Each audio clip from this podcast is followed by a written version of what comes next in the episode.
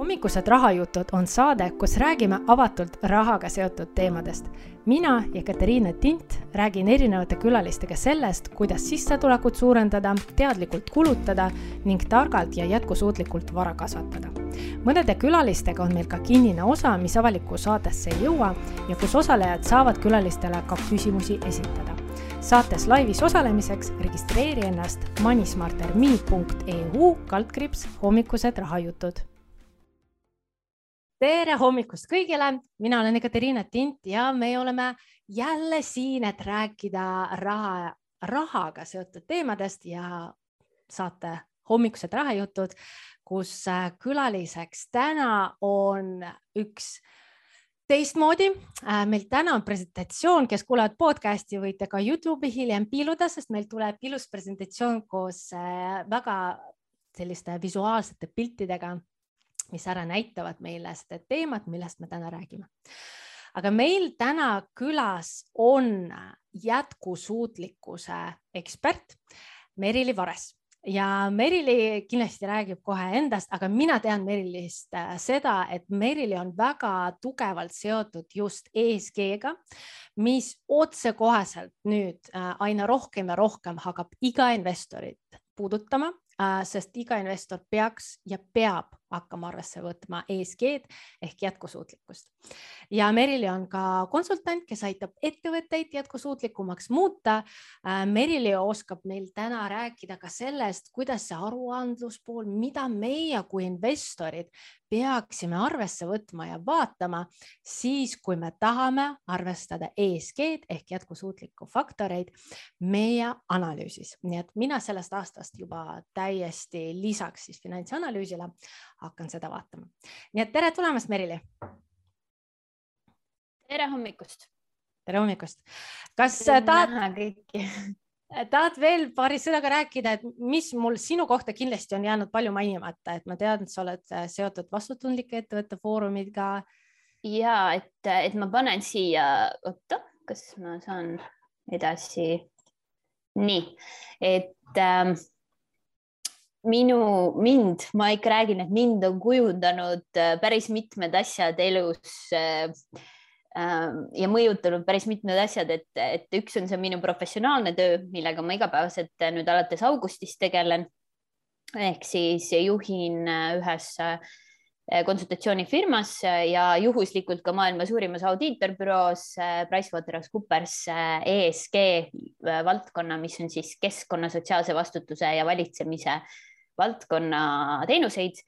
ja lisaks sellele oma professionaalse tööle on mul selline ühiskondlik vastutus või positsioon, et ma panustan ka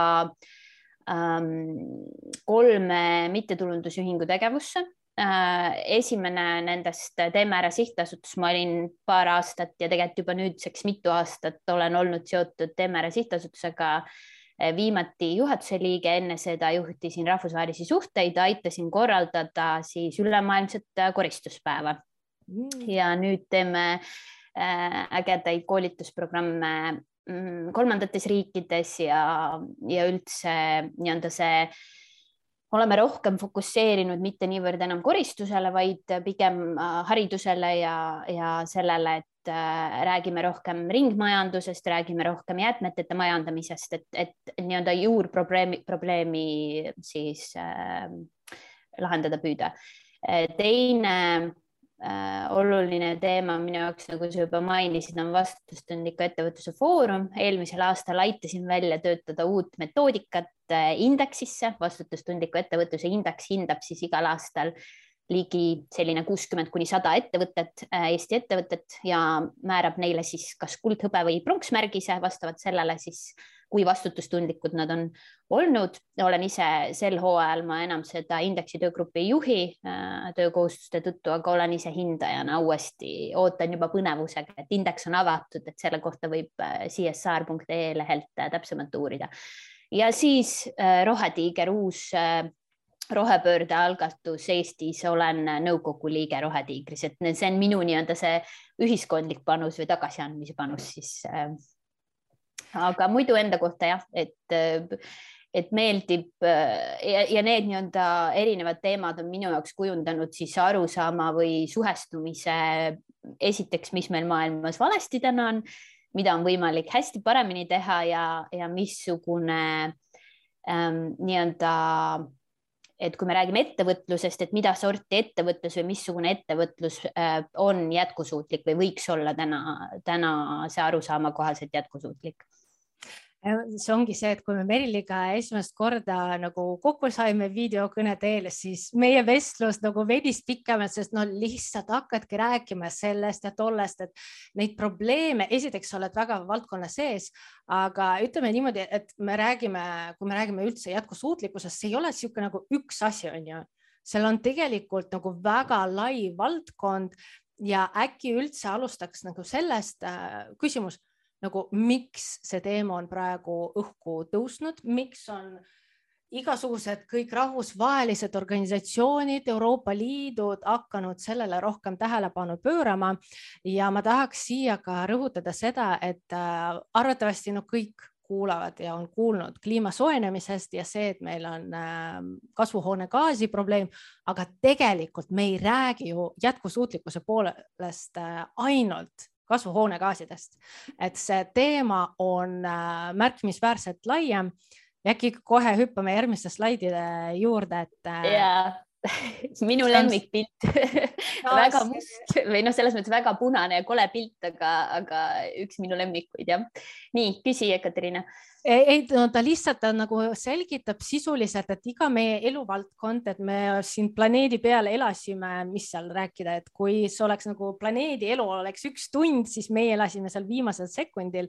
et äh, selle siis ma ei tea veel mikro, mikro, mikro, mikro, mis iganes nagu sekundi jooksul me jõudsime ära kasutada ja ära tarbida nii palju eluressursse, et hetkel tegelikult see jätkusuutlikkuse teema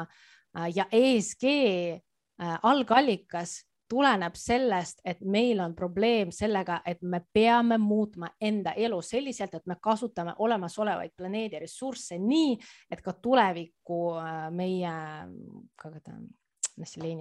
järgmistele elanikele on mhm. ka neid ressursse olemas ja mitte nagu vähem neid, vaid ikka tahaks nagu, et elu oleks rohkem ja ilusam ja rohelisem ja puhtam aga see pirukas, see on, ma arvan, kõige tuntum vist, mis selgitab ära kõiki neid probleeme, mis meil ja. on et äh.... no nii-öelda ta pärineb siis meie, minu jaoks ühe geniaalse daami Kate Roberti äh, sulest, kes on siis majandusteadlane ja ütleme nii, et tema väljaütlemised olen ise kuulanud teda laivis ka konverentsil rääkimas, et et see on midagi, mis ähm, et olgugi, et paljud ütlevad, et, et söörikumajandus või tema loogika majandusest, mida tema siis kujundab, -hmm. kujutab söörikukujuliselt, ei ole võib-olla kõikehõlmav ja, ja seal on nagu võimalik ka paljusid asju palju kaheldavat, aga viis, kuidas tema demonstreerib, et kus kohas ja millega me täna, millel meie majandus tugineb on noh, geniaalne ja geniaalne on see, et ta on välja toonud, et suures pildis oleme me suutnud oma tänase äh, majandamise elutegevusega tekitada üheksa globaalset probleemi ja need on siis toodud kõige välisel ringil. et alutades siis, alustades siis kliimamuutustest, mis on juba kõigile nii-öelda noh, nagu sa mainisid, et kõik teavad, et me räägime kliimaprobleemidega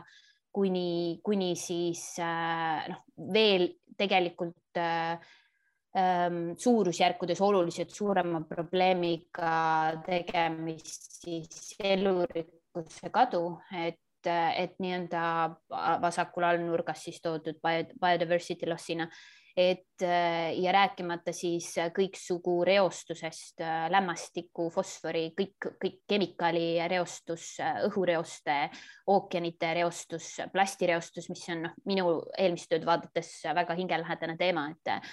et me oleme tegelikult suutnud äh, oma planeedi ressursikasutuse, kasutusega niimoodi ära kurnata, et meil tegelikult äh, on äh, kätte jõudnud piir, kus me saame aru, et me ei saa selliselt edasi toimetada. Ja põhjus, miks me oleme oma planeedi üle kurnanud, on see sisemine ring. Ehk et nii-öelda vaadata nüüd äh, seda, et kui me räägime majanduspiiridest, siis miks me tegelikult üle tarbime, on meie sotsiaalsed vajadused. Ja see on see need teemad, mis siis see shortfall ehk sinna sissepoole ringi jäävad, mis puudutab seda, et inimesed vajavad energiat, vett, toitu, tervishoidu haridust, töökohti, ähm, kõik, mis puudutab hästi oluline teema täna ja üliraske rääkida sellest, aga nii-öelda ESG kontekstis ülioluline teema, mis puudutab rahu ja õiglust mm, -hmm. poliitilist häält, äh, võimekust kaasa rääkida poliitikas, sotsiaalset võrdsust, soolist võrdsust, meil on vaja elukohti, meil on vaja suhelda, et kõik need vajadused on tegelikult tingitud, tinginud selle, et me oleme keskkonnaga ebaõiglaselt käitunud ja, ja noh, kogu selle sõõrikumajanduse loogika on see, et meie safe nagu nii-öelda turvaline ala, kus kohas me toimetame, oleks see, et me tegelikult ei lähe üle looduspiiride ehk siis planeedi piiride, aga me suudame tagada kõik vajalikud sotsiaalsed äh,, nii-öelda tagada kogu sotsiaalse vajaduse ja seda tähistab siis see roheline ring mm. -hmm. no siin tegelikult see on ma ei hakka diskussiooni jälle nagu üle viima, sest ma olen sellest teemast ka nii palju lugenud, et äh, seal on teised küsimused, kui kaua me saame keskenduda majanduse kasvule ja mul on tegelikult veidikene kahju, no täna on kakskümmend seitse veebruar, äh, me kohtume kakskümmend seitse veebruar, see tähendab, et meil tegelikult kolmandat päeva toimub olukord, mis võtab endale kogu tähelepanu. kuigi ma nagu väga tahaks vaadata, et me tegeleme järjest rohkem jätkusuutliku ja nagu kliimaprobleemide ja meie keskkonnaprobleemide lahendamisega. et ähm, seega ei tahaks, et see tähelepanust ja meie huvi orbiidist nagu välja kukuks. jah, samas äh, lihtsalt mainides, et minu meelest see on jumala õige, väga õige hetk vaadata, et miks me oleme, miks me oleme konfliktides ja, ja väga paljuski nii ajalooliselt kui täna on konfliktid tingitud ressurssidest mm, -hmm. ressursside üle võimu omamisest, ressursside majandamisest ja puudusest. et tegelikult on see mõnes mõttes jällegi meie sellesama nii-öelda tegevuse Eh, oma, oma ühiskonnana toimimise tagajärg, et me ja, ja noh, paraku ma ei taha siin pühapäeva hommikul musti tooni tuua, aga noh, nii-öelda prognoosid näitavad, et mul on üks slaid toodud ka, mis on näitab siis viite globaalset megatrendi, mis maailmas toimumas hetkel on ja tulevik toob, et, et me räägime tegelikult pigem sellest, et kuna ressursi puudus on süvenev, siis tegelikult ka tõenäosus, et konfliktid suurenevad, on äh, noh, nii-öelda ikkagi väga suur. et selles mõttes me, me, me paraku nagu räägime ühe sama äh, mündi kahest poolest, aga ühest samast mündist siiski. no see ongi see, et huvitav, kui me oleks ammu, päris ammu juba üle läinud nende taastuvate allikate energia peale, et meil ei oleks vajadus, ma ei tea, gaasi, õli ja muu vastu, et nagu milline maailm oleks siis, on ju. aga mul täitsa juba hakkas huvitav see järgmine slaid, mida sa ja mida ma juba reklaamisin, et, et ja et äh, minu siis tööandja PricewaterhouseCoopers on globaalselt kokku pannud sellise nüüd juba mõnda aega tagasi, minu meelest kas eelmise aasta alguses või isegi üle-eelmise aasta lõpus uuringu, et või noh, nii-öelda prognoosi, et mis on siis täna globaalsed megatrendid, et kui me vaatame seda sõõrikut ja vaatame mm. siis, mis täna juba valesti on ja mõtleme nüüd sellele, et kuhu suunas me liigume, siis tegelikult ohustavad meid viis suurt teemat. see on linnastumine, väga järsk linnastumine et äh, siin graafikul kõrval on toodud statistiliselt mõn, mõni nagu näide, mis iseloomustab, kui äh,, kui kiire linnastumisega tegemist on, et näiteks see keskmine kast, et tegelikult siis iganädalaselt kasvab täna üks koma viis miljonit, miljoni inimese võrra lindade, linnade populatsioon. Et iga nädal üks koma viis miljonit ehk Eesti rohkem kui Eesti jagu inimesi kolib äh, maapiirkondadest linnapiirkondadesse onju et äh, ja noh, tegelikult kui me vaatame majandusinimestena seda, et mis toimub äh, maailma majanduses, siis juba täna me teame, et pool ja see kasvab, rohkem kui pool maailma majandusest äh, tegelikult pärineb siis kolmesajast suurimast linnast. et noh, tegelikult me nii-öelda mm, genereerime maaliselt nii-öelda alaliselt väga palju Äh, majandusest ja eluolust äh, väga konkreetsetesse punktidesse, tähendab, suuname väga konkreetsetesse punktidesse. Covid näitas väga hästi, mida toob omakorda linnastumine kaasa, on see, et meil tegelikult tekivad sotsiaalsed probleemid. inimesed on tihedalt koos, igasuguste haiguste levik on kiirem ja, ja nii-öelda tervishoid ülekoormatud ja nii edasi ja nii edasi. teine suur probleem ongi demograafia ja, ja sotsiaalne muutus, et, et kui me siiamaani oleme elanud nii-öelda hajutatult või noh, enam-vähem suutnud planeedil paikneda nii, et kõigil on hea olla, siis täna me näeme, et et juba pool maailma populatsioonist, populatsiooni kasvust ja prognoosiga siis tulevased paarkümmend aastat on oodata üksi ühelt mandrilt ja see on Aafrika. et äh, me täna juba näeme, et see nii-öelda pinge ühele konkreetsele piirkonnale kasvab meeletult. ja, ja mis nagu sotsiaalses mõttes äh, on probleemiks, on see, et noh, ma ei, saa üle ega ümber, need numbrid võivad olla ükskõik, kas see on kas see on, me räägime üks inimene ja, ja miljard vaesemat inimest, aga et noh, siin konkreetne statistiline näitaja on välja toodud, et siis kaheksakümmend viis maailma rikkamat inimest omavad täna varandusest, mis on võrdne kolme ja poole vaesema miljardi inimese varandusega, et noh, see on, see on sotsiaalses mõttes ikkagi nagu katastroofiline olukord, et me teame ajalooliselt on see ka nii olnud, aga sellist kontsentratsiooni nagu täna et rikkamad inimesed saavad järjest rikkamaks, vaesemad inimesed ja piirkonnad jäävad järjest vaesemaks, et siis kuigi peab mainima, et äh, globaalselt inimesi, kes elavad alla vaesuspiiri, kogu aeg jääb vähemaks. Äh, ja siis meie kõigi süga, südamelähedane teema kliimamuutused ja ressursipuudus, et äh, noh, see on juba nii-öelda teada, et, et meil tegelikult, meil on probleem Äh, me oleme oma kliima ära kurnanud, äh, meie kliima, kliima muutub võrreldes ajaloolise nii-öelda loodusliku muutusega liiga kiiresti, see tõenäoliselt toob kaasa olulisi muutusi, juba näeme kõrbestumine, alade muutumine elamiskõlbmatuks, mis tähendab jällegi omakorda ümberasustamist ja demograafilist probleemi või sotsiaalseid äh, probleeme. Ähm, hästi põnev minu jaoks on ka see nii-öelda globaalse majanduse, et siin on huvitav ehm, investoritele ja majandusinimestele, et kui muut-, kui kiiresti on muutumas tegelikult äh, globaalse võimu ümber äh, paiknemine, et kui, kui tegelikult äh, ähm, varasemalt on nii-öelda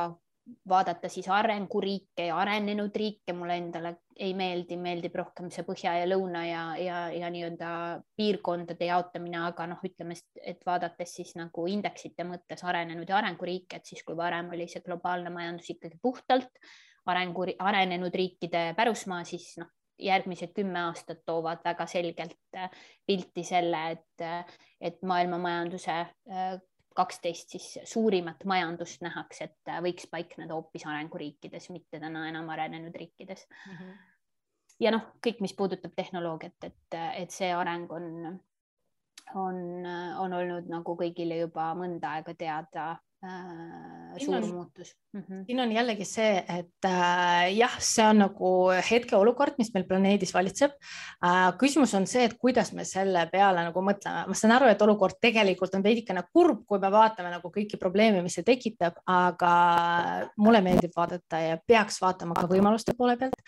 number üks, mina tahaks öelda rapid urbanization, jällegi mina saan aru, miks järjest tegelikult on välja tulnud äh, ETF ehk börsil kaubeldavaid fonde, mis keskenduvad keskenduvadki ettevõtetele, mis on seotud smart cities ehk meie linnad muutuvad järjest nagu targemaks, meil siin oli äh,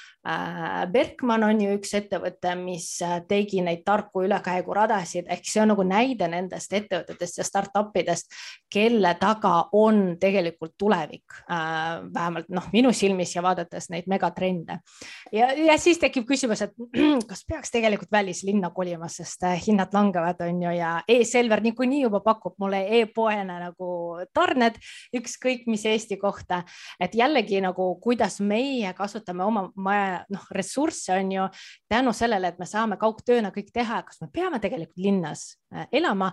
või see on puhtalt nagu majanduslik äh, otsus ja väljaarvutatav otsus, kas on targem välja kolida linnast välja hoopis, kas sa säästad sellega rahaga, noh, see sõltub veidikene, kus su lapsed kaasavad. siis ja. see demographic ja social change. Rikkad saavad aina rikkamaks, et selle vastu nagu ei saa mitte midagi ja see on üks eesmärk, mis mina olen nagu võtnud, et miks ma üldse inimesi harin rahatarkuse teemal, sest kui sul ei ole sääste äh,, sisuliselt me räägime sellest, et see valem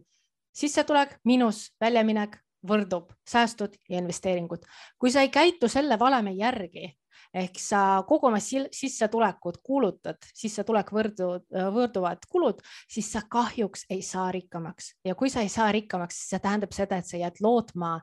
niigi koormatud äh, selle sotsiaalvaldkonna peale, mis kahjuks äh, ei saa sulle pakkuda nii häid elutingimusi, kui sina, kui sa number üks hoolitsed enda sissetuleku eest, number kaks, sa hoiad kontrollis oma kulusid, kulude taset teadlikult valida endale elustiili, millele sa raha kulutad ja teed tarku finantsotsuseid. Ja number kaks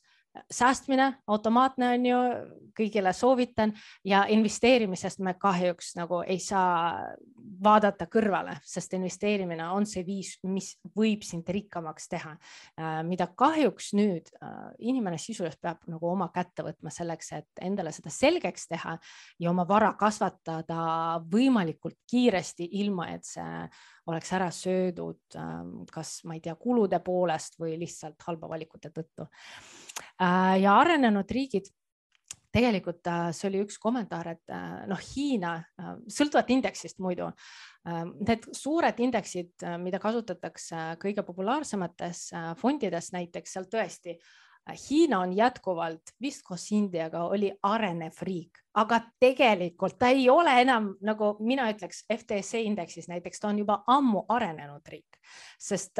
no kui me vaatame, mis seal toimub, kuidas inimesed seal elavad no,, ta ei ole selline nagu, no Aafrika on jätkuvalt arenev riik. ja et seda see muutus nii-öelda shift tähendabki endas, et meil tegelikult need riigid saavad ju noh, nii-öelda küpsemaks kogu aeg on ju ja võtavad rohkem nii-öelda võimu üle, mis tähendabki seda, et meil tegelikult täna on see shift juba toimunud, meil on liikunud Aasiasse äh, väga palju võimu väga paljudes sektorites äh, ja väga paljudel turgud, noh, nii-öelda väga paljudel ähm, teenustel, äh, tootmistel on ju tegelikult vedav ots täna juba Aasias ehk Aasia turgude käes mm. -hmm. ja see ongi see küsimus, et äh, tegelikult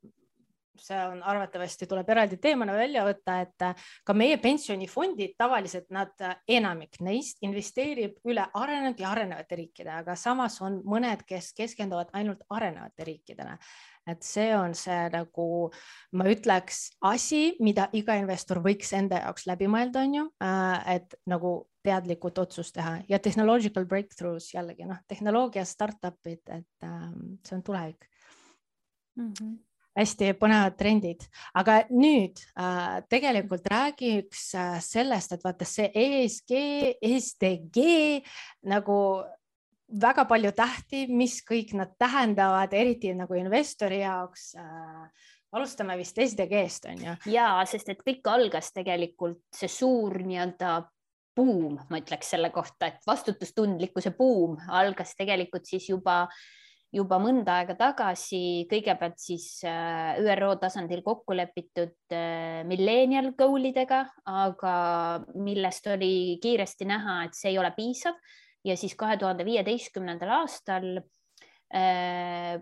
pandi pead kokku, tuli kokku rahvusvaheline meeskond, kes aitas välja töötada ÜRO tasandil siis äh, ähm, ÜRO äh, kestliku arengu eesmärgid, et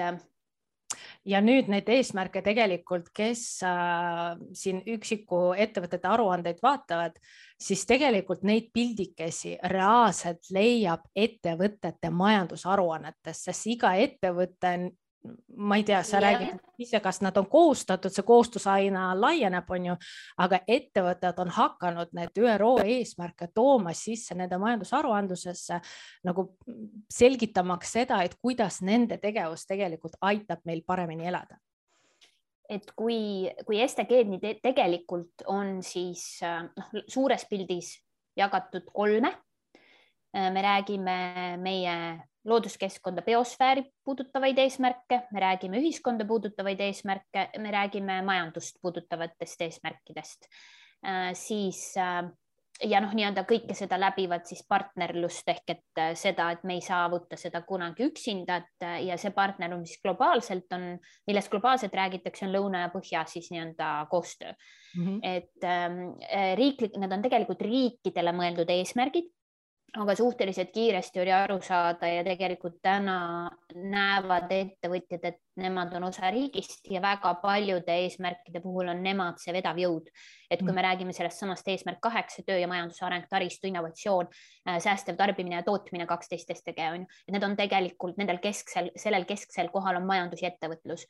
et seetõttu ettevõtted ongi näinud, et, et STG-d ei ole mitte ainult riikide, et täna hinnatakse eesmärkide täitmist ja, ja mõõdetakse riikide tasandil, aga väga paljud rahvusvahelised eesmärk ja ettevõtted on võtnud need eesmärgid endale üle ja samamoodi raporteerivad, mõõdavad ennast vastu eesmärke. et on välja selekteerinud enda jaoks olulisemad, et ma tahtsin sellele pirukale lisaks, et kes võib-olla ei ole varem kokku puutunud, et siis siin on, saab paremini lugeda ka, mis on nende eesmärkide otsene sisu. ja SDG ja. all on sustainability development goals ehk yes, äh, eesti keeles äh,. kestliku arengu eesmärgid. kestliku arengu eesmärgid. et, et sisuliselt. algasid säästva arengu eesmärk esimene nimetus, nii-öelda esimene tõlge oli säästev areng ja me suhteliselt kiiresti saime aru, et point täna Eestis ega, ega noh, üldse ühiskondlikult ei ole enam säästa kedagi, vaid et me peame ikkagi nagu vaatama, et, et see on ülesehitamine, see on kestlikkus, see ei ole ainult nagu millegi hoidmine, vaid mm -hmm. taastamine ja uus taasloomine aga ma tahtsin äh, välja tuua Eesti erisuse, eestlased kiiksuga rahvas, nagu me natuke oleme, et siis eestlased enda jaoks lõid äh, ühe täiendava eesmärgi, mis on siis kultuuri, Eesti kultuuri säilitamine ja hoidmine, et meil on siis kaheksateist eesmärki, et kui kui ülemaailmselt räägitakse seitsmeteistkümnest, siis äh, pidage meeles, et Eestis on neid kaheksateist, ärme unusta seda, seda olulist täiendust eesmärkidesse. ja, aga need eesmärgid, kes meil podcast'is kuulevad, on siis see, et kaotada kõikjal vaesus, äh, kaotada näljahäda, äh, tervis ja heaolu, äh, pakkuda kvaliteetset haridust, sooline võrgus Võrd, võrdõiguslikkus, puhas vesi, jätkusuutlik energia, pakkuda tööhõivet ja majanduskasvu, töötus, tööstus, uuendus ja taristu, ebavõrdsuse vähendamine, jätkusuutlikumad linnad ja asumid, säästev toitmine ja tarbimine, kliimamuutuste vastased meetmed äh, ja siis ookeanid ja mereressursid, et need ka majandada kestlikult. maa ökosüsteemideks ja jälle biodiversity on ju teema, et äh, siis rahumeelsed ja kaasavad institutsioonid, koostöö ja see Eesti kultuur, need viimased kolm on seotud sisuliselt nagu sellega, kuidas inimesed omavahel suhtlevad jah, ja teatud äh, neli on seotud keskkonnaga ja sotsiaalse sfääriga. ehk sisuliselt tegelikult ÜRO poolt on meile antud äh, konkreetne juhis, kuidas me peaksime oma elu äh, juhtima ja millest äh, juhindumas siis, kui me, ma ei tea, asutame ettevõtteid tegelikult neid STG-sid äh, ehk kestliku arengu eesmärke võib arvesse võtta ükskõik mis otsuste tegemisel on ju, tegelikult peakski arvesse võtma. ja peabki võtma, et selles mõttes ka täna Eesti strateegia Eesti kaks tuhat kolmkümmend viis on vist see meie mm -hmm. arengukava täna on ju puhtalt nagu kooskõlas STG-dega või loodud nii-öelda sellelt baasilt, et, et on välja toodud siis need Eesti jaoks ja seda ongi iga riik teinud, et on tegelikult valinud äh, enda jaoks välja kõige olulisemad teemad, et mis on selles piirkonnas, ühiskonnas täna põletavamad probleemid ähm, ja, ja siis suunanud oma peamise energia või noh, nii-öelda siis tähelepanu nendesse eesmärkidesse aga noh, küsimus on see, et kas tegelikult peaks ju tegelema kõikide eesmärkidega, mitte teema nagu valikuliselt, vaid äh, ikkagi sa pead kõigi eest hoolitsema. ühiskondlikult ja kui me räägime ja hiljem võib-olla keskendume ka sellele, et mida ettevõtted ära teha saavad, et kuidas nad saavad valida, siis noh, põhimõte on selles, et kõik teemad ei ole kõikide äh, ettevõtlusvormide või valdkondade puhul asjakohased selle koha pealt, et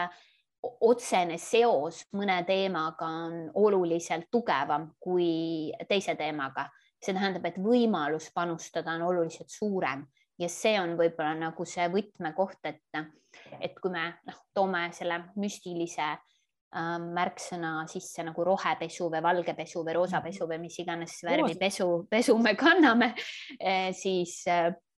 või pesu me peseme, et siis põhiline probleem on selles, et fookus suunatakse valdkonda, mis ei ole tegelikult põhitegevusega seotud mm -hmm. ja mis võib eksitada selles mõttes, ei tegele nii-öelda tegelikult oma, oma kõige olulisemate ja. probleemidega, on ju aga siis on hea, et sa tõid välja juba selle järgmise küsimuse, et mida ettevõtted äh, saavad teha ja siin tegelikult ma tahaks kohe nagu tuua seda erisust. number üks on, ähm, kuidas ettevõtted sellele lähenevad, on see, et meil on tegelikult riskid no see teema on üldse nagu investeerimisest sisse tulnud ja Bloombergis oli suur ähm, artikkel on ju selle kohta, et tegelikult kõik need ESG ehk jätkusuutlikku hindavad kriteeriumid võtavad arvesse seda, kuidas siis need faktorid, erinevad keskkonnafaktorid, äh, kui palju nad riske pakuvad ettevõttele ja ESG faktorite kohta oli sul vist ka eraldi slaid, et nendest eesmärkidest. ja et ma tegelikult äh, tahtsingi öelda, et siis, kui laiem üldsus ühiskondlikul tasandil leppis kokku kestliku arengu eesmärkides, siis ettevõtjate ja ettevõtete vastus nii-öelda sellele teemale ah,, ma tahtsin rääkida vahepeal, aga jätame selle rohepöörde teema praegu vahele, vaatame, sellest võime pärast rääkida. siis ettevõtete vastus tegelikult nendele globaalsetele väljakutsetele ongi seesama ES ja G-ga mhm. tegelemine. et ähm, asendab sisuliselt see, vanasti ta oli SRI, social responsibility ja nüüd tegelikult äh, lisaks sellele sotsiaalsele no, on alati olnud sotsiaalne, tegelikult iga ettevõte peaks sotsiaalne, vastutustundlik teoorias olema, on ju, hoolitsema enda töötajatest, aga tuli rohkem juurde see keskkonna pool on ju. ja just, et kui varem, kui nii-öelda alustades siis tagantpoolt ette, et kui see governance ja valitsemise teema on ettevõtte jaoks olnud pikalt laual teema, sest et noh, see on nii-öelda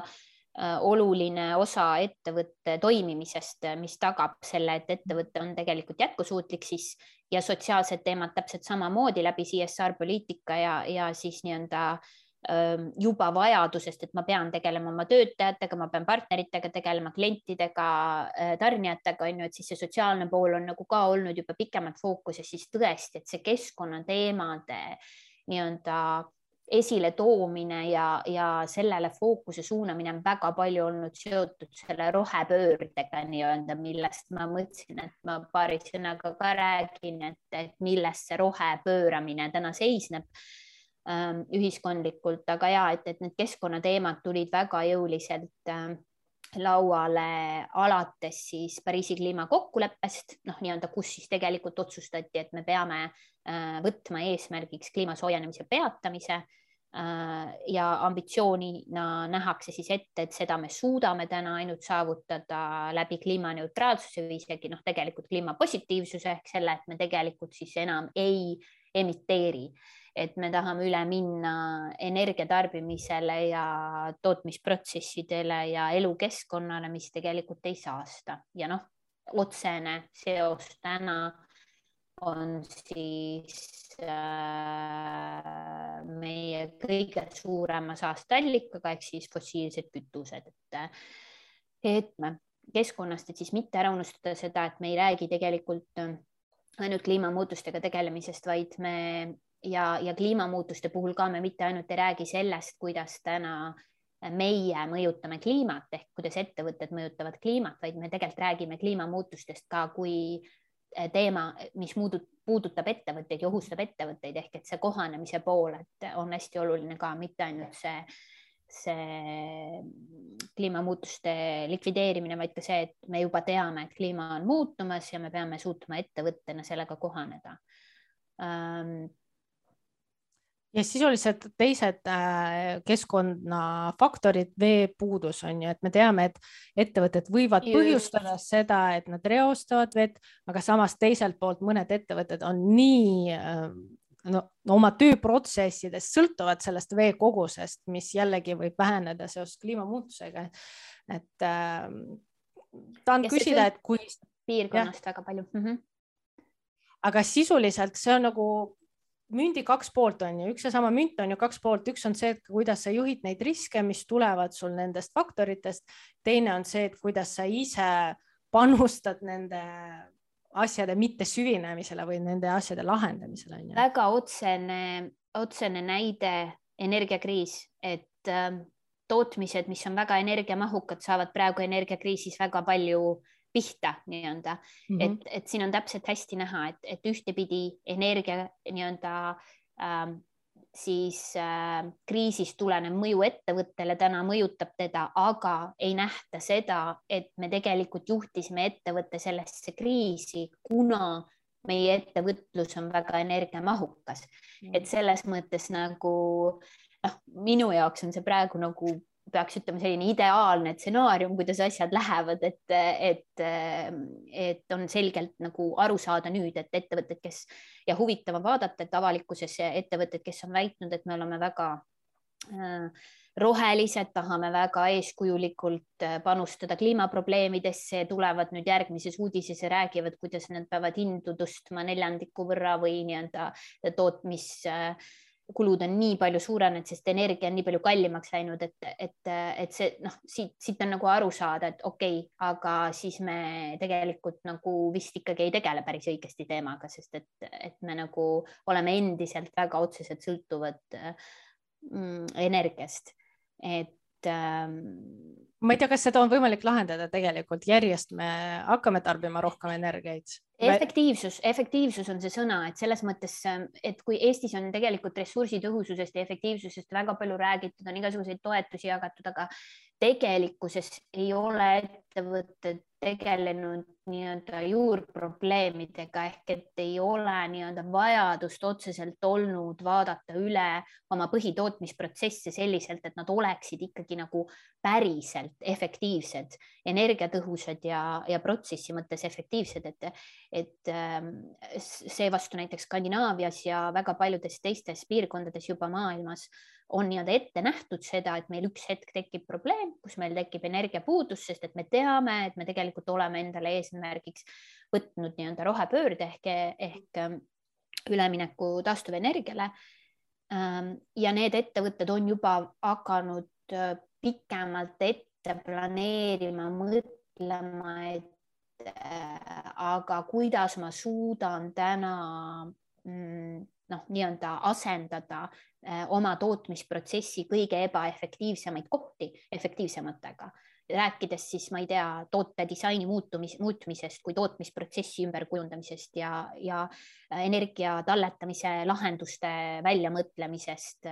vee puhul väga ägedad on need kogumissüsteemide arendamised, kus tegelikult kasutatakse oma sama tootmisprotsessis kasutatud vett uuesti ära nagu nii-öelda teise ringi, teisel ringil, et. ja et selles mõttes meil börsiettevõttes jällegi siis, kui Hepsor tuli välja, ta ehitas siin minu kõrval üks põhimõtteliselt keskkonna saastavat Äh, säästvate lahendustega nagu Majo, mis kasutab äh, sisuliselt seda vihmavett on ju ja pluss kanalisatsioonivett või äh, saab kasutada uuesti igatahes jällegi sellised lahendused peaksid muutuma normaalsuseks, sest esiteks nad aitavad säästa, säästa loodust, teiseks nad tegelikult vähendavad meie ressursi kasutamist. jah, nad alguses võivad maksta veidikene nagu kallim on ju, et sa pead seda lahendust juurutama, aga lõppude lõpuks ta aitab sul säästa no,. ta on kõikide uute lahenduste iga innovatsioon on tulnud tegelikult alguses nii, et, et ta on alguses kättesaamatu, sest et mm -hmm. teda on vähe. mida, kas, mida rohkem kasvab nõudlus, seda rohkem kasvab pakkumine, seda rohkem nii-öelda tuleb turg järgi, seda madalamaks lähevad hinnad ja seda mm -hmm. kättesaadavamaks tegelikult lahendused osutuvad, aga, aga noh, pole midagi, alati ajalooliselt on pioneerid olnud need, kes on nagu pidanud maksma kinni selle, et tegelikult lahendused äh, turgudele jõuaksid ja, ja noh, see on ja neid ettevõtteid täna juba on, kes tegelikult on endale võtnud äh, sihiks äh, investeerida siis rohkem või, või kanda suuremaid kulusid lihtsalt selleks, et äh, võtta kasutusele jätkusuutlikumad lahendused. Ja noh, täna igasugused äh, majandusanalüüsid näitavad ja tulemuste pealt ka, et siin enda hea kolleeg tegi uurimistöö, kus võrdles ettevõtteid erinevaid, äh, nende tulemuslikkust, majandustulemusi äh, kõrvutas siis nende ESG tulemustega nii-öelda ja nägi -hmm. selgelt ära, et, et need ettevõtted, kellel on kõrgemad ESG skoorid, on ka majanduslikult nagu äh, oluliselt äh, paremate tulemustega, et noh, see ei ole enam nagu küsimus, et kas tasub ära, et see juba tasub niikuinii ära äh,, mitte Just. ainult siis äh, keskkonnahoiu ja sotsiaalse heaolu nimel, vaid ka majanduslikult tasub ära ennast just, et selles mõttes seda on näha ka ESG fondides ehk äh, nende fondidel on parem tootlus olnud ja pluss äh, ESG ettevõtetel on langused ka väiksemad kriiside ajal, sest inimesed tahavad seda jätkusuutlikumat, äh, jätkusuutlikumaid lahendusi rohkem toetada. ja siin E, E alla sisuliselt lähevad kõik keskkonnaga seotud teemasid, näiteks CO2 emissioonid. no näiteks ma juba vaatasin, Tallinna Kaubamaja ka hakkas arvutama neid emissioone, LHV ammu juba kuvas enda aruannet, vähemalt eelmine aasta, kui ma analüüsisin, eelmise aasta aruannetes juba kuvas emissioone, väga paljud rahvusvahelised ettevõtted hakkavad emissioone esiteks kalkuleerima, pluss teiseks me tahame näha seal vähenemist, on ju. Äh, toodete. kahe tuhande kahekümne neljandast aastast laieneb oluliselt, võib-olla nüüd lükkub see natukene edasi, aga seoses uue Euroopa Liidu poolt välja antava äh, kestlikkusaruandluse direktiiviga äh, tegelikult kohustus raporteerida laieneb oluliselt suuremale ringile ettevõtetele, et praegune piir on nii, et kõik ettevõtted, kellel on vähemalt kakssada viiskümmend töötajat ja siis käive kusagil see kahekümne miljoni euro juures, mis on juba nagu Eesti mõttes on see täitsa hulk ettevõtteid näiteks, kes peavad hakkama oma, oma tulemusi äh, raporteerima Eesti. regulaarselt, vähemalt iga-aastaselt siis. jah, Eesti äh, raporteid välja andma. Balti börsil noteeritud ettevõtetele minu meelest see ka ju laienes, on ju? ja, ja, ja. sellest aastast, et tegelikult kõik ettevõtted, kes on Balti börsil, nad on kohustatud juba enda aruannetes äh, tooma sisse seda äh, Äh, mis seal oli, kas äh, nad peavad raporteerima seda, kui palju nende tegevus jaguneb äh, jätkusuutlike ja mitte jätkusuutlike nagu tegevuste vahel ja pluss mm. -hmm. see on uus Euroopa Liidu nii-öelda taksonoomia või regulatsioon siis, et mis määrab, mis tõi, tõi turule revolutsiooni selle koha pealt, et, et võeti ette kõige siis äh, rohepöördesse kõige enam, äh, rohepööret kõige enam mõjutavamad äh, või mõjutavad või panustavad sektorid mm, -hmm. energia, ehitus, transport ja, ja loodi sinna taha taksonoomia ehk reeglistik, milline ettevõtlus täna nendes sektorites on jätkusuutlik, milline mitte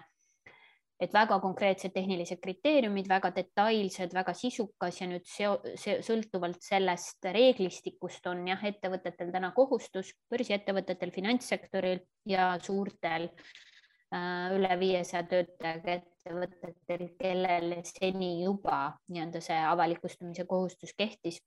kohustus siis täna äh, avalikult äh, raporteerida, kui suur osa nende äritegevusest vastab nendele jätkusuutlikkuse kriteeriumitele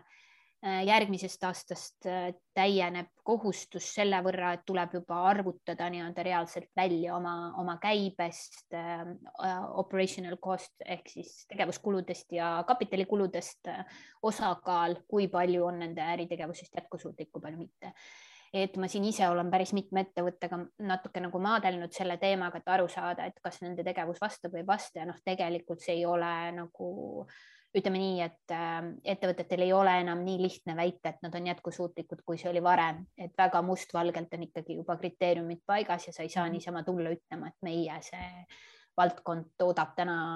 efektiivselt või, või on nagu roheline, ei, et. Äh, ei saa enam greenwash'i nii kergesti teha, on ju, sisuliselt sest sa pead mustvalgelt nagu ära näitama, et äh, minu meelest see on suurepärane näide ja see on ainult Euroopa Liidus on ju, et kahjuks USA ettevõtetele see ei lahe, ei laiene, aga Euroopa Liidus sisuliselt, kes hakkavad aruandeid vaatama, juba Eesti ettevõtte aruandetest saab äh, siis vaadata, kuidas nemad raporteerivad ja meie Euroopas suuremad äh, ettevõtteid, kellesse mina näiteks olen investeerinud ka, ma olen valinud neid ettevõtteid, kus ma vaatasin, et oo, ongi nagu raporteeritakse environmentally ehk kui palju CO2 emissiooni, kuidas seal juhitatakse seda energia kasutamise efektiivsust või vähendatakse energiakasutust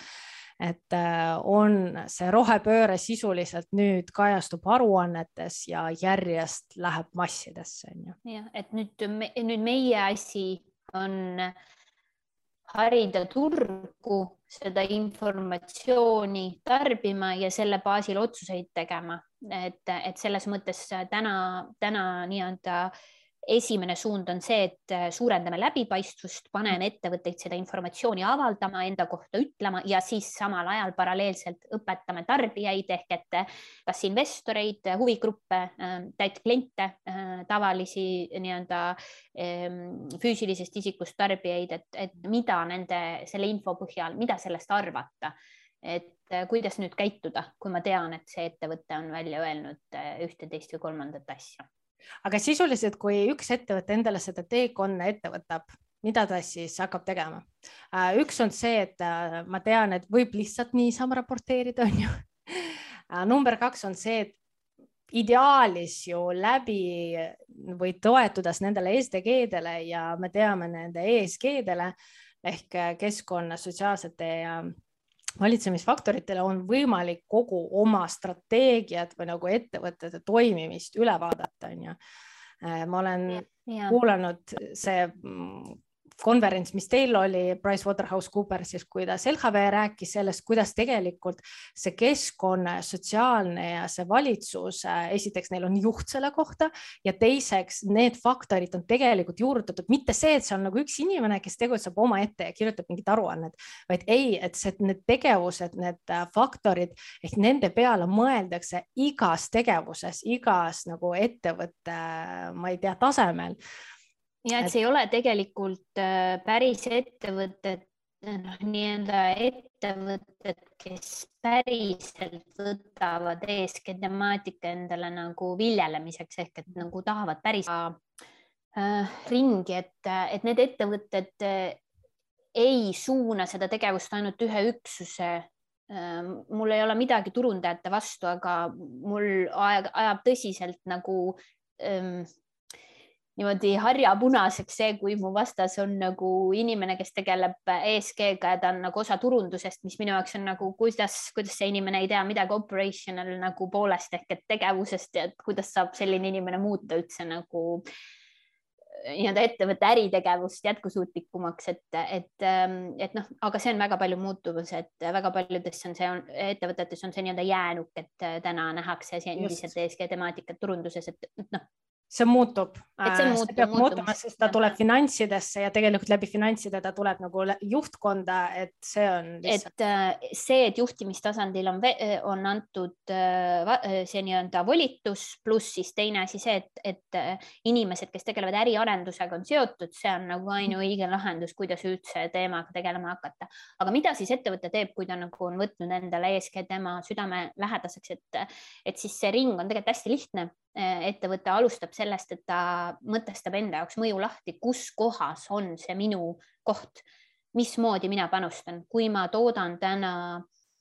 väga hea näide, et mul üks, üks meie partner on ettevõte, kes pakub nõudepõhist transporti, väga äge oli nagu näha, kuidas nemad äh, enda jaoks lahti mõtestasid, et meie peamine eesmärk on lahendada sotsiaalset äh, probleemi nimega juurdepääsetavus ehk et pakkuda inimestele rohkem võimalusi liikumiseks. Aga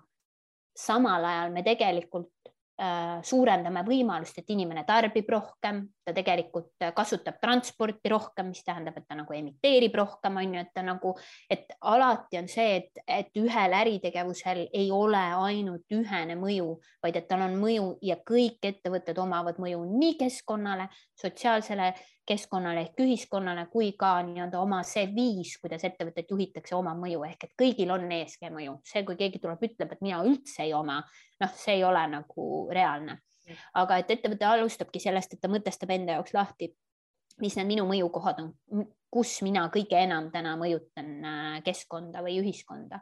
Siis kui ta on oma mõjukohtadest aru saanud, siis ta seab endale mingisugused eesmärgid, kui ta on ambitsioonikas, siis ta lepib strateegilisel tasandil kokku, et me tahame saavutada seda, me tahame olla kliimaneutraalne, väga popp teema on ju, või me tahame olla äh,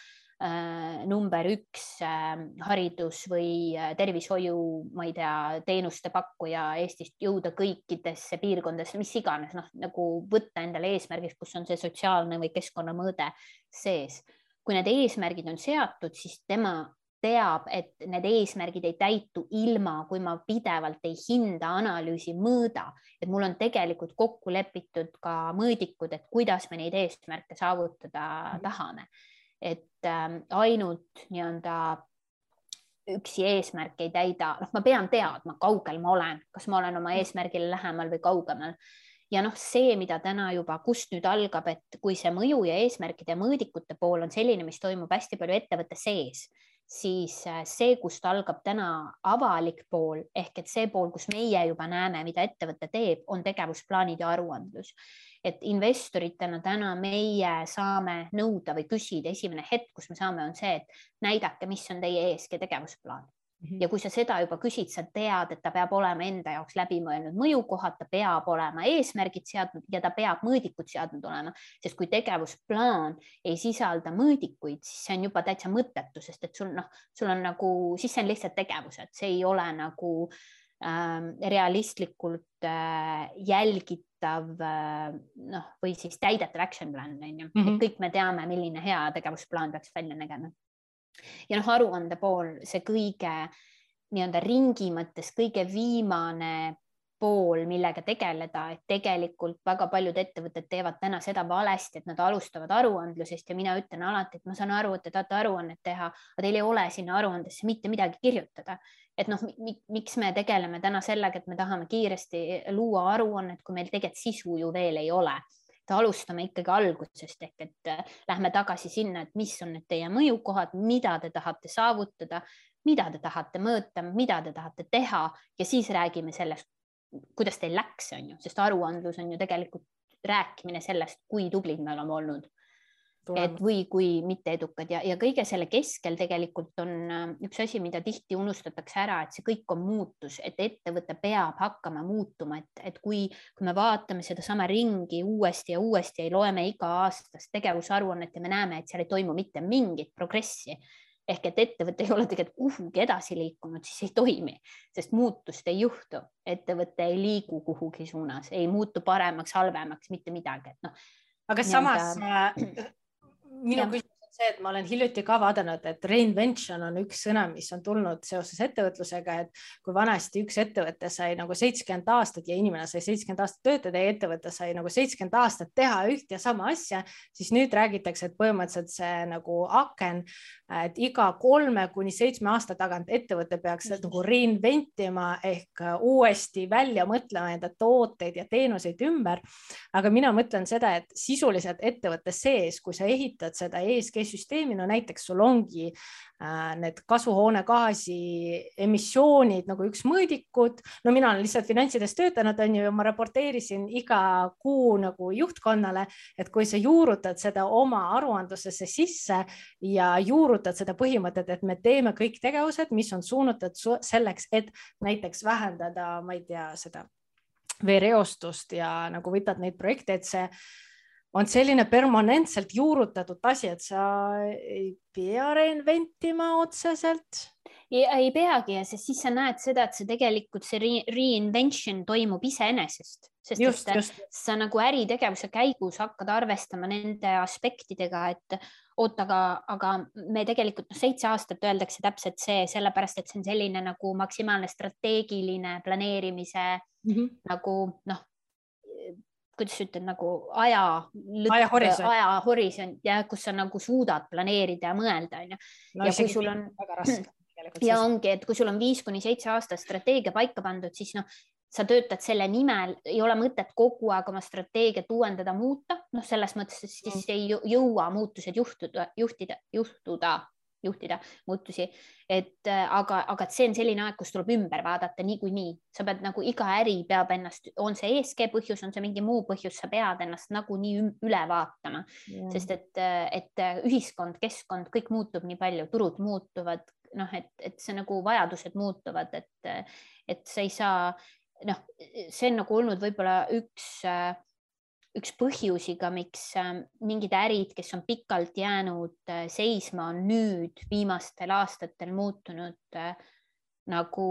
kinni jooksnud, et nad nagu ei, ei näevad, et nad ei lähe, käi nagu, et nad ei kasva enam nii kiiresti, nad äh, ei suuda enam turgudele siseneda ja sa näed, et põhjus on see, et nad on kuskil hetkel jäänud kinni sinna, et me teeme nii äri, me teeme sellist äri aga see äri tegelikult ei ole tänasele turule enam nagu kohane või sobiv. just, just, et sellepärast nagu kõik need suured ettevõtted, no kes meil on seal fondides topis sees, Microsoft, Amazon, kogu aeg nagu renovation, uued tooted, uued teenused, et kogu aeg nagu luuakse innovatsiooni ja parendatakse seda, kuidas sa teed olemasolevat asja Rahv. ja rahvusvahelised ettevõtted teavad täna uue asja lahenduse turule tulles, mis on meie järgmine uus asi, millega me turule tuleme, et selles mõttes see, see nii-öelda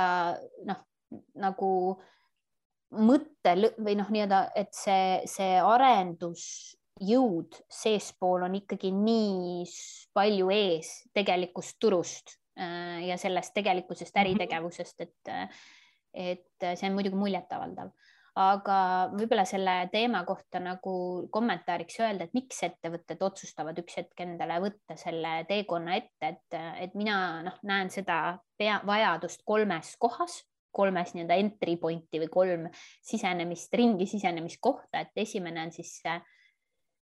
puhtalt strateegiline äh, otsusvalik meie ettevõttena otsustame, et me tahame olla jätkusuutlikud, me tahame olla vastutustundlikud, me tahame ettevõtte juhtkond, omanik, investor, kes iganes ütleb, et me võtame selle endale sihiks ja me hakkame oma äri niimoodi ümber kujundama mm. -hmm. teine koht, kus kohas see nagu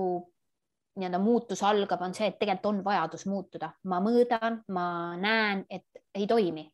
ma jõuan tegelikult arusaamisele, et see äri ei ole täna enam jätkusuutlik. ma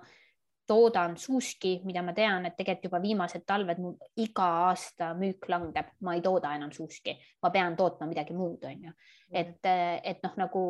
et see on see peamine praktiline vajadus, miks ma pean oma äri ümber suunama ja noh, siis see nii-öelda minu jaoks kõige mitte motiveerivam nagu entry point äh, on alati see, et aga mu käest küsitakse nüüd mingit aruannet, et ma pean hakkama rääkima, kui vastutustundlik ma olen, aga kas ma siis olen ja mis ma siis nüüd teen, et, et see on see nii-öelda välise surve mõjul äh, alg, algav muutus. lõppkokkuvõttes tegelikult ei ole vahet, kuidas ettevõte sellele teekonnale siseneb tähtis on see, et ta teeb seda läbi, selle läbi, ta läbib seda ringi ja ta tegelikult nagu Äh, muutub sisuliselt, mitte ainult äh, näiliselt. Ja aga selles mõttes ma ütleks seda või see on nagu minu isiklik arvamus, äh, nii palju, kui ma olen majandusaruandeid lugenud, ettevõtteid vaadanud, siis tegelikult no okei okay,, Euroopa Liidus on meil veel asjad head Äh, Ameerikas on enamasti tegelikult päris okei okay,, on ju, aga samas kuskil arenevates riikides, kus ma ei tea, kaevatakse mingit metalle nende sama elektriautode jaoks ja tambitakse neid jääke lihtsalt nagu põllu peale ja farmerid peavad loobuma, just oli nagu dokumentaal selle kohta, et meil on nagu väga palju arenemisruumi ja kuidas me saame seda nagu oma poolt parandada, ongi see, et meie investoritena ja inimestena esiteks esiteks number üks, me peame kõik jätkusuutlikkusest hoolima, sest kui me tahame endale lastele midagi jääda, et me saaks hingata normaalset puhast õhku, et meil oleks puud, rohelised puud ja et meil ei oleks siin, ma ei tea, veetase sada või vabandust, kümme meetrit kõrgem, et me peaksime hoolima jätkusuutliku omast tegevusest ja jälgima ja küsima ettevõtete käest, sealhulgas mitte ainult investeerimisotsuste puhul, vaid ka ma ütleks tarbimisotsuste puhul, et äh, vaatame ettevõtet, kas ta panustab sellele jätkusuutlikumaks äh, ülemineku nagu peale, kas ta panustab selle peale nagu oma ressursse ja fookust. ja üks küsimus muidu, mis mul siin on olnud seoses eesmärkidega äh,. ma olen leidnud, ma kahjuks ei mäleta, kelle framework see oli, see oli ühe, kas think tank'i framework, et sisuliselt sul on nagu viis aastat kui äh, hästi on ettevõte valmis ähm, selleks kliimagaaside nagu eesmärgi ambitsiooni endale võtma, on ju. samas siis, kui mina õppisin, äh, ma sain sertifitseeritud kestliku rahanduse analüütiku sertifikaadi endale. professor Krosinski oli küll selline, et, et no kui üks ettevõte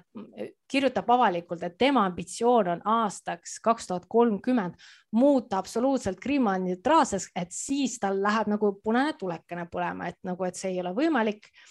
Äh, mis, mis siis see õige suund on, kas sa võtad seda ambitsiooni, aga siis see lihtsalt tähendab seda, et noh, sa päris ei saa ju kliimaneutraalseks muutuda või, või siis ei võta seda ambitsiooni, et mis on sinu kui eksperdi nagu arvamus?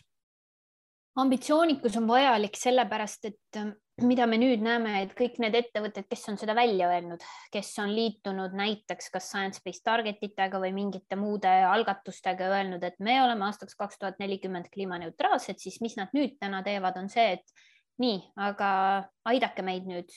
äh,. rääkige, kuidas me nüüd saame seda, kuidas me seda saavutame, mida me tegema peame, et ma ei pelgaks ambitsiooni sellepärast, et kord juba välja öeldud eesmärk jääb nii-öelda alles ja -hmm. see on üks pidepunkt, kust kinni hakata, kust, kus on nagu võimalik pärast öelda, et vaadake, aga uue täiendava fossiilkütustel toimiva tehase investeering, ehitamine ei ole teie välja öeldud ambitsiooniga kooskõlas. Te väidate, et see on üleminekuplaan, aga palun siis näidake mulle face out'i, näidake mulle seda, kuidas te kavatsete sellest nagu ja mis ajaga loobuda. et, et see on nagu koht, kus on võimalik nagu tegelikult äh, hästi lihtsasti mm, äh, äriotsuseid äh, avalikult välja öeldavaid asju ähm, küsitavaks muuta Mm -hmm. ja see paneb ettevõtted väga ebamugavasse olukorda, sest need ettevõtted, kes ei ole täna välja öelnud, nad on nagu selles mõttes paremas positsioonis, et nad saavad enda jaoks nagu veel hetkel nagu käega katsutava või tehtava ambitsiooni seada ja keegi mm -hmm. nagu justkui aru ei saa, et aga see tegelikult on kakskümmend viis protsenti võib-olla minu emissioonidest mm -hmm. näiteks üldse on ju mm aga nad saavad nagu, nendel on see eelis täna, aga need, kes suure hurraaga globaalselt on juba täna välja käinud oma, oma statement'id on ju, et noh, me lähme ja teeme, on ju, ja see ajab harja punaseks mind ka, eriti siis, kui ma ei saa absoluutselt aru, mis nagu skoobist räägitakse, kas te räägite ainult enda neutraalsusest, oma väärtusahela neutraalsusest, millest nagu, et, et aga ma saan nii-öelda aru, et ettevõte on täna kohas, kus tema alles hakkab aru saama, mida see tegelikult tähendab, et see ei ole tegelikult nii lihtne. ja seesama enne, mis sa ütlesid, et, et kuidas me saame, et me teame, et okei okay,, ettevõte siin äh, räägib küll, et ma olen tohutult vastutustundlik, aga siis, mis toimub Aafrikas, Aasias, et äh, see tarneahela, väärtusahela läbipaistvuse küsimus, küsimus on kogu äritegevuse vastutustundlikuks muutumise aluseks ja kõige rohkem punkte täna indeksites antakse nendele, kes tegelikult raporteerivad ja annavad aru mitte ainult enda äritegevusest, vaid kogu oma tarneahelast. Nad teavad, kus nende ressursid pärinevad, nad teavad, kuidas ja kus on toodetud nende materjalid nagu nende äh, siis toodete, noh, näiteks need, kuidas sa nimetad neid nagu oh, noh, millest toode kokku pannakse, noh, tükid põhimõtteliselt. jah, aga see on nagu see on ülimalt keeruline. See on väga keeruline, aga väga paljud ettevõtted töötavad selle nimel täna, et nad tahavad oma, oma nii-öelda siis äh, tarneahelat ähm, äh, läbipaistvaks muuta ja välja tuua, eriti need ettevõtted, kes näevad, et selles on nende tänane turueelis. et, ähm, et see on nagu noh, nii-öelda äh, kas ma liitun mõne rahvusvahelise kokkuleppega? Ja me teame, et nendes erinevates standardites on ka täna fair trade'is. Igal pool on nagu nii-öelda riskid ei ole lõpuni maandatud, et tegelikult jääb alati see risk, et, et need sertifikaadid või nii-öelda nagu märgised on antud mitte õigetel alustel või mm, -hmm. või seal on nagu korruptsioonioht ja mis iganes, aga vähemalt ma tean, et ma küsin neid küsimusi ja ma uurin seda, ma teen selgeks, et täna äh, kui, kui küsida keskmiselt ettevõttelt, et äh, kust teie mm, tooraine pärineb, noh, üheksal juhul kümnest ei tea mitte keegi, see tuleb kuskilt Aasiast näiteks või see tuleb kuskilt äh, Lõuna-Ameerikast, kust, kes, mida, kus, mis mõttes nagu, et ei tea et ähm, ma ise olin rahvusvahelisel, kui ma olin kaks tuhat üheksateist ähm, ÜRO Kliimaassambleel, siis seal oli hästi äge algatus, mida suured tehnoloogiaettevõtted toetavad, on see, et äh, tarneahela läbipaistvuseks, et kaotada ära ja mida tulevik kindlasti toob, ma tean, on see, et ka kaovad ära need vahemehed nii-öelda ehk et mis täna muudab protsessi toote nii-öelda nagu mm, teekonna kaardistamisel või jälgimisel keeruliseks, on see, et kaup hästi palju nagu hästi palju on mhm. vahemehi, kes vahendavad edasi ja tagasi et, äh, et mida nüüd äh, täna rohkem tegelikult äh, tehnoloogia areneb, süsteemid arenevad, kaubandus areneb, otselinke tekib järjest rohkem mm -hmm. tootjate ja tarbijate vahel. ja mida nii-öelda nagu läbipaistvamaks, õhemaks muutub see intermediate'i vahemeeste nagu kiht, et ja, seda ja. läbipaistvamaks tegelikult kogu äritegevus muutub ja sellega me tegelikult saame rohkem hakata tulevikus ise ka kontrollima mm -hmm. ja teadlikumaks, et kust meie tarbitavad kaubad ja tooted pärinevad. kas praeguses Scope kolm mõõtmine ei olnud kuskil taksonoomias äh, koos? ja taksonoomia ütleb juba, et tegelikult tuleb, äh, kui sa tahad väita, et sa oled jätkusuutlik, sa ei saa ainult rääkida oma toote või tootmisprotsessi skoop üks-kaks äh, emissioonidest, vaid sa pead ikkagi vaatama teda väärtusahela või kogu olelusringi üleselt ehk siis nii-öelda hällist surmani nimetatakse mm -hmm. eesti keeles on ju et, et sa pead ikkagi analüüsima kogu, kogu tarneahelat, et see on hästi keeruline ja noh, alguses kindlasti hakkame me nägema ja tulema numbrid, mis noh, mis on nagu täitsa ja. ei ütle nagu mitte midagi, aga mida rohkem meil seda infot tekib, me saame neid andmeid omavahel kõrvutada, seda rohkem me saame küsida küsimusi, et oi, aga et see, see on täitsa nagu number ei ütle mitte midagi, see on see lambi number, kust te selle saanud olete, onju, et see ei ole võimalik nagu. et hästi hästi palju näen seda paralleeli praegu, mis to on toimunud finantsarvestuses äh, aastakümnetega, kui palju täpsemaks, äh, standardiseeritumaks, arusaadavamaks on finantsaruanded muutunud mm. -hmm. üks hetk juhtub täpselt seesama asi ka kestlikkusaruandlusega, needsamad näitajad muutuvad sama nagu lihtsasti arusaadavaks ja kergesti tarbitavaks just, et selles mõttes hetkel äh, kõikidele ka infoks, et praegu ei ole nagu üht kindlat äh, aruannet, mida kõik nagu raporteerivad kestlikkuse ja jätkusuutlikkuse osas, aga äh, IFRS, kes on ka raamatupidamise aruandlust standardiseerinud, et nemad tegelikult peaksid lähiaastatel välja töötama sellist ühtset standardit, mida kõik saaksid jälgida. Ja noh, siis kindlasti ka meie jaoks see lugemine muutub kergemaks. Ja ka me mainisime skoop üks, kaks ja kolm. skoop üks tähendab siis seda, et sa saad aru, kui palju sinu nagu tegevus ettevõttena, kui palju sina emiteerid neid kasvuhoonegaase otseselt oh. ettevõtte nagu mõjusfääris omandis olevate tegevustega, et äh, tootmis. mitte töötajad kodus. jah, just, et otseselt see, mida mina täna täiesti otseselt kontrollin, kõik minu nii-öelda bilansis olevad varad, kõik minu omandis olevad hooned et see on see nii-öelda see väga kõige otsesem äh, emissioon, mis mm -hmm. sõltuvast sektorist on ju, võib mõnel olla energiatootjatel väga suur osakaal, äh, teenusepakkujatel peaaegu olematu, noh, ühesõnaga jah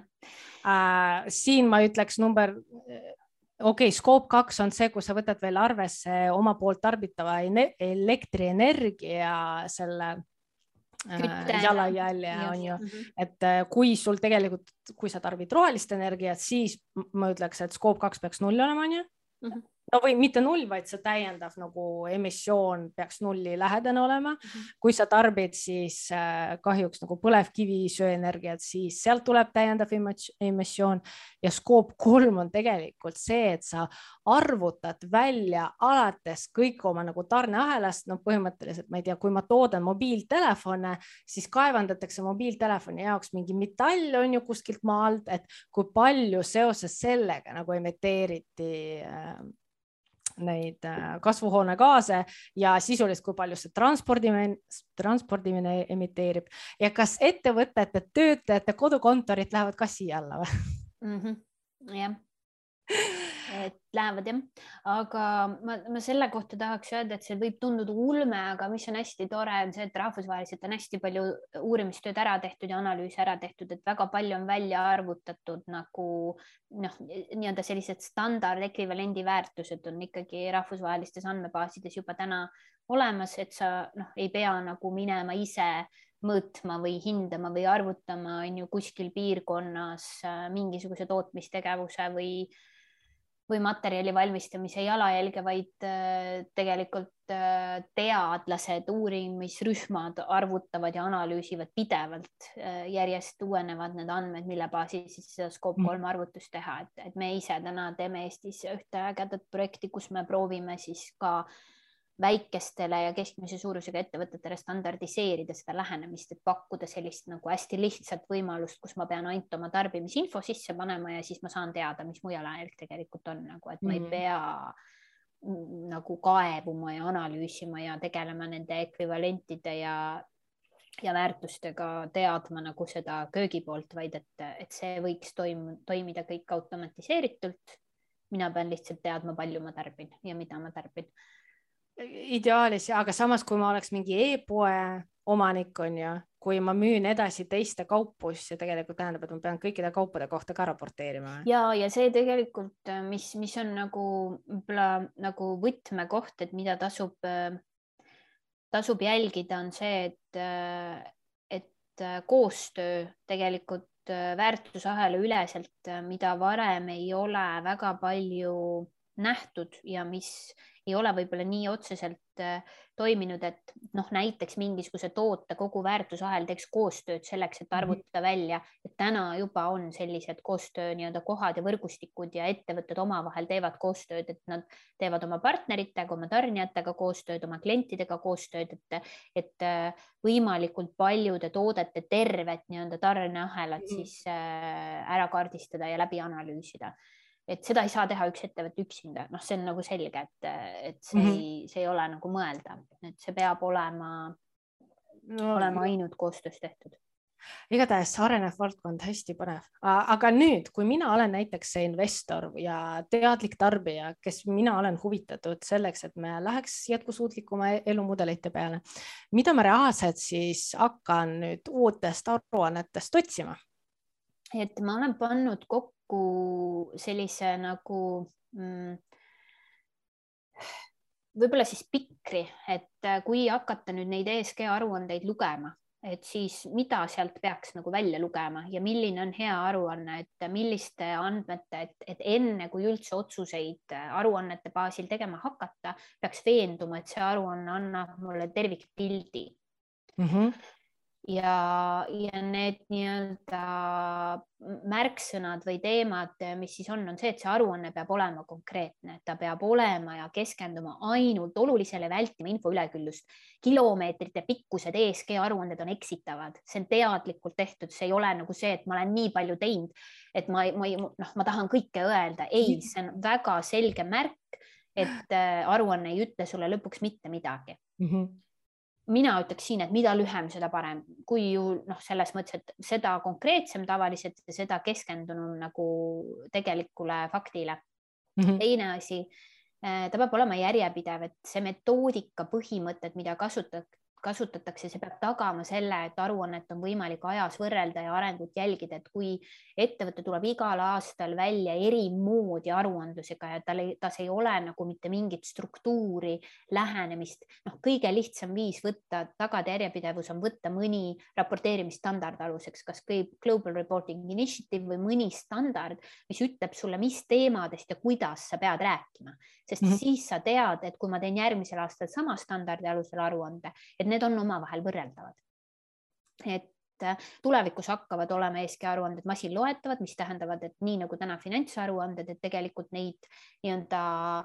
infotükke hakatakse sealt süstemaatiliselt välja võtma, neid on võimalik kõrvutada omavahel, tabelitesse panna, neid on võimalik nagu automatiseeritult lugeda, tarbida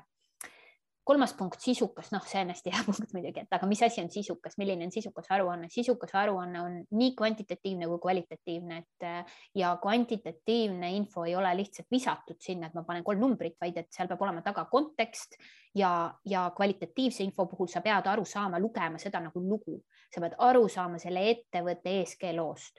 teekonnast või noh, nii-öelda tema arengulugu et mm -hmm. kui see ei ütle sulle mitte midagi, siis ta ei ole sisukas, ta peab sind kõitma nii, nagu sa mingit järjejuttu loeksid või mõnda head nagu raamatut. ta peab olema võrreldav, see tähendab seda, et tegelikult ei tohi tuua sisse ainult mingit suvalist numbrit, minu CO2 jalajälg on see mitte midagi muud sinna kõrvale öeldes, vaid sinna tuleks panna kõrvale võrreldes kas turu parimaga, standardiga, mingi näitajaga, mingi noh, millegi vastu võrrelda, sest ainuüksi number üksi ei ütle mitte midagi. ta on, ta on. aga kas praegu, mida reaalselt praegu? tarbijale. mida praegu kasutatakse, ma ei tea, samamoodi kui mina olen no, e-poe müüja on ju, no okei okay,, minu jalajälg on üsna vähe, aga kui mina nagu müüks mobiiltelefone, siis äh, kellega ma võrdleks konkurentidega või? Ja no tegelikult on, on konkurents on üks asi, teine asi on see, et,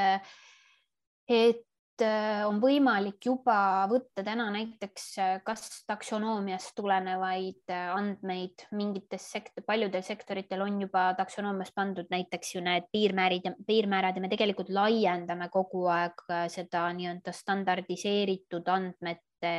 noh, hulka ehk mm -hmm. et mhm. nii-öelda nagu seda, et missugused näitajad on suured, väikesed et, äh, et see jah, täna ei ole keegi otseselt kokku leppinud, et ühe mobiiltelefoni jalajälg peaks olema selline mm, -hmm. aga või võiks olla alla selle või et milline on, aga et noh, nii-öelda tegelikult nagu äh, kui ettevõte lihtsalt äh, toob välja numbreid, siis need ei ütle mitte midagi mm ja see põhimõtteliselt võr- nagu sina tarbijana peaksid sellisel juhul tegema tema eest eeltöö ära ehk et võtma omavahel ja hakkama võrdlema seda, et okei okay,, aga mis see, mis see nagu tähendab, on ju. Mm -hmm. et hästi ägedad aruanded on need, kus ettevõte nagu toob paralleeli, et see tähendab seda, et minu selle toote näiteks jalajälje äh, nagu neutraliseerimiseks kuluks ühe puu näiteks kolmekümne aasta töö on ju, et noh, nagu nad, nad toovad ise nagu kas loodusest või inimesele nagu arusaadavast äh, kontek-, panevad nagu teema inimesele arusaadavasse konteksti, vaata mm. -hmm või siis samamoodi need ettevõtted, kes oskavad välja tuua, et me oleme ellu viinud mingisuguse äh, protsessi uuenduse või tehnoloogia, mis aitab meil vähendada näiteks kakskümmend viis protsenti, see võrdub omakorda näiteks sellise aja mingi muu asja töötamisega või kogu ühe auto, ma ei tea, energiatarve aastas või emissioonid aastas või noh, mingisugune niisugune nagu kontekst. okei, no loogiline mm. -hmm ja, ja, ja need turundusstandardid tuleb tegelikult kogu aeg juurde ja noh, mis on nagu see on see, et, et, et noh, ma armastan seda, kui ettevõtted teevad ESG aruande, siis panevad selle kuskile laivi, ei nad jaga, propageeri seda kuidagi nagu levita, vaid et noh, mõeldakse, et aga, aga see on meil kogu aeg seal kodulehel olnud nagu seitsme kliki kaugusel on ju. see ei ole tegelikult jagatud informatsioon, et, et kui me näeme, et ettevõte nagu reklaamib seda infot, ta kasutab seda aruannet, ta tutvustab seda nii ettevõtte siseselt kui väliselt huvigruppidele, investoritele, et siis on tegelikult nagu näha, et, et ettevõttel on huvi ja, ja soov jagada, mis iganes seal aruandes kirjas on, on ju, see ei mhm. ole nagu nii, et ah, ma pidin tegema selle, ma ja. pean sellega kuhugi avalikuks tegema, on ju et, äh, et ega, ega selles mõttes muud, äh, muud nagu muud sellist äh, äh, täna ma võin öelda, et väga raske on see nendele punktidele vastavaid aruandeid leida äh,. väga palju eksitakse esimese punktiga ehk väga palju kirjutatakse aruandesse informatsiooni, mis on tegelikult irrelevantne mm -hmm. ärikontekstist tulenevalt ja noh, järjepidevusega on sellepärast juba probleeme, et paljud ettevõtted teevad esimest korda aruannet, et siin Just. on põnev järgida järgnevaid, jälgida järgnevaid aastaid, et kas muutub, mis muutub, kuidas muutub, et, et. aga selle konkreetsuse osas, kui mina näiteks, äh, ma ei tea, teen äh, annetust ettevõttele, mis istutab puid, sisuliselt noh, see panen kirja, on ju, on konkreetne tegevus ja, aga no selles mõttes, et sa pead selle konteksti ikkagi panema, et miks ma, miks ma nagu seda teen, mis, mis ma nagu selle, mis eesmärki see täidab või mis ma sellega saavutada tahan, on ju. et, et ja mis ja noh, kõige olulisem, see puude istutamine on väga hea näide, et, et noh, aga, aga too välja, mis osa sinu jalajäljest see puude istutamine sinu arust ära neutraliseerib nagu, et kui sa -hmm. paned kõrvuti, et meie kogu jalajälg on selline puude istutamisega me täna väidetavalt noh, see on nagu muidugi kõik hüpoteetiline on ju, sest kuhu ma selle puu istutan, kas ta üldse kasvama hakkab, enne kui ta hakkab nagu enne kui ta hakkab äh, seda neutraliseerima, ta peab kasvama teatud suuruseni, onju, noh, mis iganes, see on nagu noh, ühesõnaga tulevikumuusika, aga et too välja, kui suure osa oma jalajäljest sa kavatsed neutraliseerida nagu, et ähm, ja mis, mis see, mis see võrdlusmoment nagu on, et noh, nagu kuskil me nägime, et noh, mulle meeldib ka see hästi, et aga meil ei ole nii palju üldse maadki, kuhu istutada nagu neid puid kõike, mis tuleks mm. istutada selleks, et neutraliseerida, on ju, et et ja pluss see, et oi, me lähme ja istutame, mulle meeldis ka see offsetting'u skeem, et me istutame mm, Mehhikos, ei, ma ei mäleta, kus riik see oli, kuskile kõrbe või noh, mingisse alasse, kus nagu sorry, aga need puud ei hakka sul elu sees seal kasvama, on ju, et noh, selles mõttes nagu maa on nii ära kurnatud ja ära rikutud juba, et, et ei toimi, on ju, et me teame, et nagu, et see, see neutraliseerimine, offset imine, et see on, kui ettevõte alustab oma ESG aruannet äh, või üldse kuskil räägib, et äh, me oleme nüüd jätkusuutlikud, sest me istutame puid, siis see on juba märk äh, mõelda, et oot-oot-oot-oot, et, et, et oota, et puude istutamine peaks olema maksimaalselt nagu see koht, kus me oleme kõik muud tegevused ära teinud, et oma jalajälge vähendada ja siis selle järgi jääva osa, mis nagu sa ütlesid, tegelikult ei ole võimalik alati nagu või noh, lõpuni neutraliseerida, on ju, et siis selle järe, selle järele jääva osa me nagu kuidagi, kuidagi suudame nagu offset ida, see on nagu noh, nii-öelda ma ei räägi siin sellest, kui arendatakse välja tehnoloogiaid või, või investeeritakse tehnoloogiatesse, mis päriselt nagu seovad CO2 või koguvad või noh, nii-öelda või tehnoloogia, mis aitab oluliselt vähendada emissioone vaid ma räägin siin puhtalt selle nii-öelda indulgentsi ostmisest, et ma tegelikult nagu Just. tahan näidata, et, et ma küll emiteerin samamoodi edasi, aga panen kolm puud, onju, et siis ma olen nagu tubli olnud. Äh, jah, no vähemalt Stripe, kes pidi muidu börsile tulema, ettevõte Stripe, kes siis maksevahendaja äh,, tema investeeris konkreetselt selle süsiniku sidumise ja Just. ladustamise tehnoloogia, no vot see, sellised äh, investeeringud on tõesti need. jah, just nõus, just see on nagu väga selgelt otseselt seotud mm. ja tihti on see otseselt seotud äritegevusega, noh, nii-öelda nagu oma äritegevusega ähm, efektiivsemaks muutmisega ja, ja põhitegevustega, et see ei ole nagu nii-öelda see, et, et me,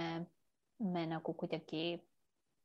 meie, et meie siin teeme edasi oma äri selliselt nagu teeme, aga siis me aitame, et tuleksid ettevõtted, kes tegelevad meie selle jama ära mm -hmm. nagu likvideerimisega. ja, ja no hetkel nagu see on see offsetting, vaata, mida kasutatakse tihti, mille sõnu me kuuleme, mida reklaamitakse, et osta puid, et see on selline nagu väike asi, mida saab teha ja mida isegi füüsilised isikud on teinud, on nagu oma jalajälje offset imine, aga loomulikult jah, number üks on see, et sa mõtled, kuidas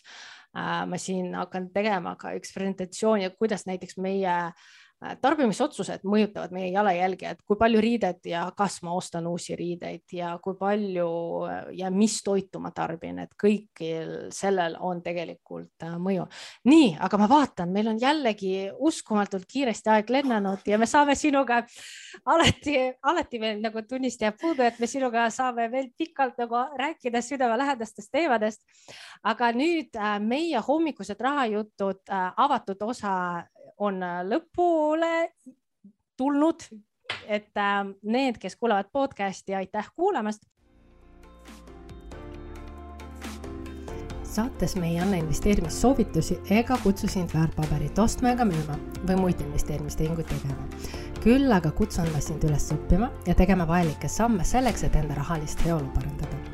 kogu saade teabe on informatiivne ning enne investeerimisotsuste langetamist palun tee omapoolne analüüs